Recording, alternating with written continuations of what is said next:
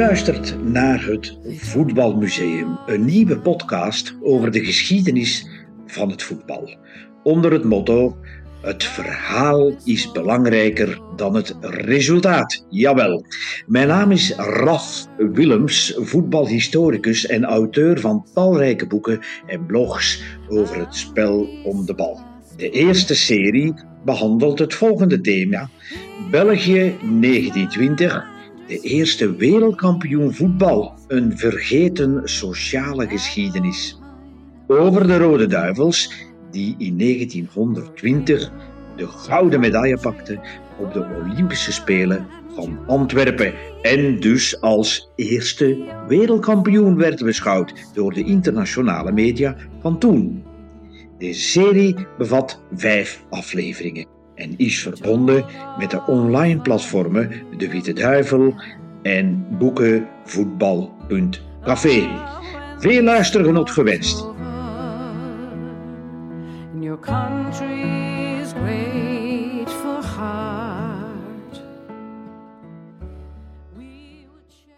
België, de eerste wereldkampioen voetbal. Jawel, Rode Duivels, winnaar Olympische Spelen Antwerpen 1920.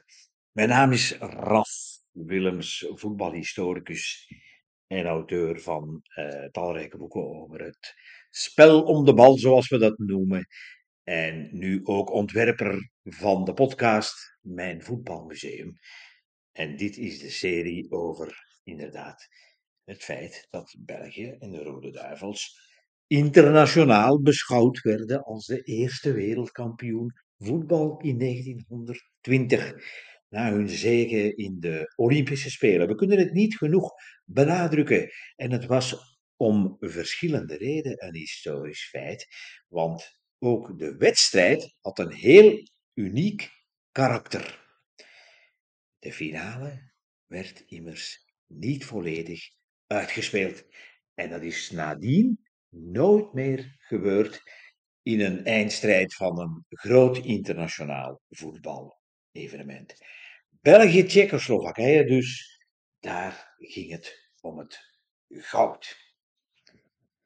Met de Tsjechoslowaken als grote favorieten, want één zomer eerder toonden zij zich al de sterkste in de zogenaamde intergeallieerde spelen, Olympiade in Parijs voor elftallen van de geallieerde landen.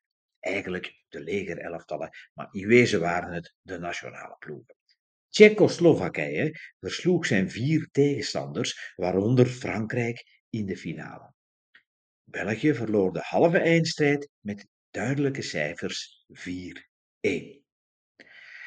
Ook in 1920, tijdens de Spelen, de Spelen van Antwerpen dus, stonden ze zeer sterk in hun schoenen. 7-0 tegen Joegoslavië, achtste finale.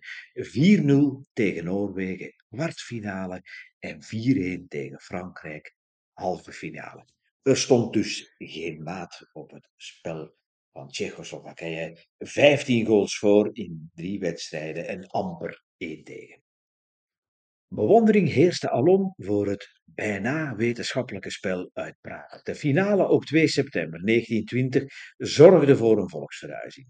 Het Olympisch Stadion barstte uit zijn voegen en de maximumcapaciteit van 30.000 toeschouwers werd ruimschoots overtroffen.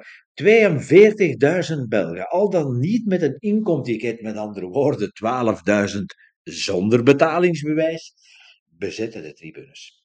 En dat was een record op het Europese vasteland.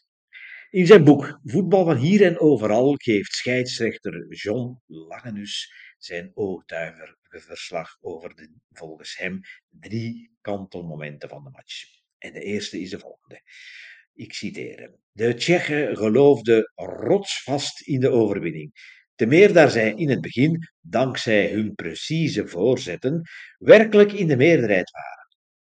Lang duurde dat echter niet, want Bastijn, de aalvlugge aanvaller van Antwerp, verplaatste herhaaldelijk het spel en zijn scherpe centers deden steeds dreigend gevaar staan. Dat op zeker ogenblik alleen door een Hans kon worden gered. Strafschop en Copé brachten stand op 1-0 voor België. tweede kantelmoment. En zo werd het 2-0. Bragaar had de bal opgebracht en naar Bastijn geopend, die aan Larnoux gaf. En deze ging Colinatti en Hoyer met meesterlijke schijnbewegingen voorbij en maakte het tweede doelpunt na 28 minuten, terwijl geen pen de losbrekende geestdrift kon beschrijven. En dan volgde volgens Langenus het beslissende incident. Twee minuten voor de pauze was Copé doorgebroken en Bak Steiner stopte hem met een vrijwillige trap op het bovenlichaam.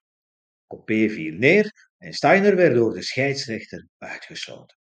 Al de andere Tsjechische spelers volgden hun makker naar de kleedkamers.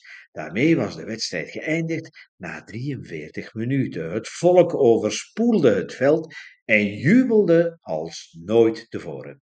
De hele buitenlandse pers getuigde dat de beste ploeg dit Olympisch voetbaltoernooi had gewonnen. Einde citaat. John Langenus vergeleek ook de beide voetbalstijlen.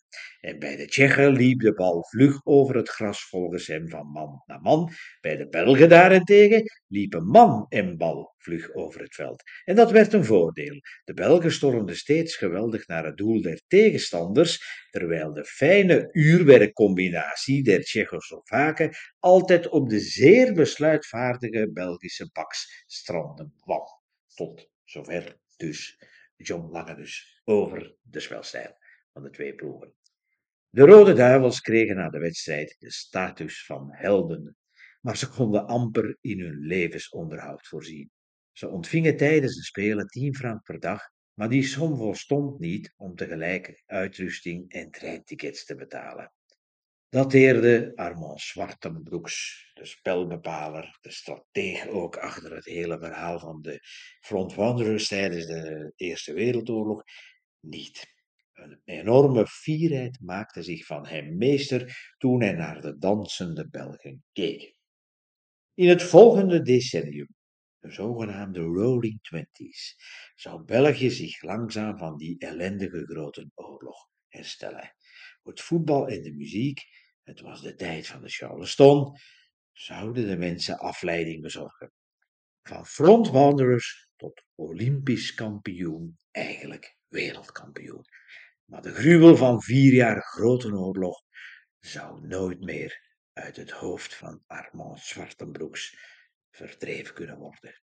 Hij dacht aan zijn broer, hij dacht elke dag aan zijn broer Alexis, die gesneuveld was in 1917 op het zogenaamde veld van eer. De eerste wereldkampioen op voetbalgebied, zo stond het dus te lezen in het verslag van het Nederlandse weekblad Sportrevue. Dat betekende dus ook dat de media op die wijze in 1920 de status van de Rode Duivels heeft waargenomen als wereldkampioen van het voetbal zij het als winnaar van de Olympische Spelen, want de eerste wereldbeker voetbal werd pas in 1930 in Uruguay georganiseerd. Belgen, vergeet nooit de naam uw eerste wereldkampioenen op voetbalgebied, al dus het Nederlandse weekblad Sportrevue. Met Antwerpen 1920 was de eerste wereldvoetbalzomer geboren. Hij zat in het collectieve geheugen van de Belgen gebeiteld. En dit was de laatste aflevering van de eerste podcast van mijn voetbalmuseum en behandelde het thema België, de eerste wereldkampioen voetbal Rode Duivels, winnaar Olympische Spelen Antwerpen 1920 in de week van 28 augustus tot 2 september. Ah, young man, can you see now why they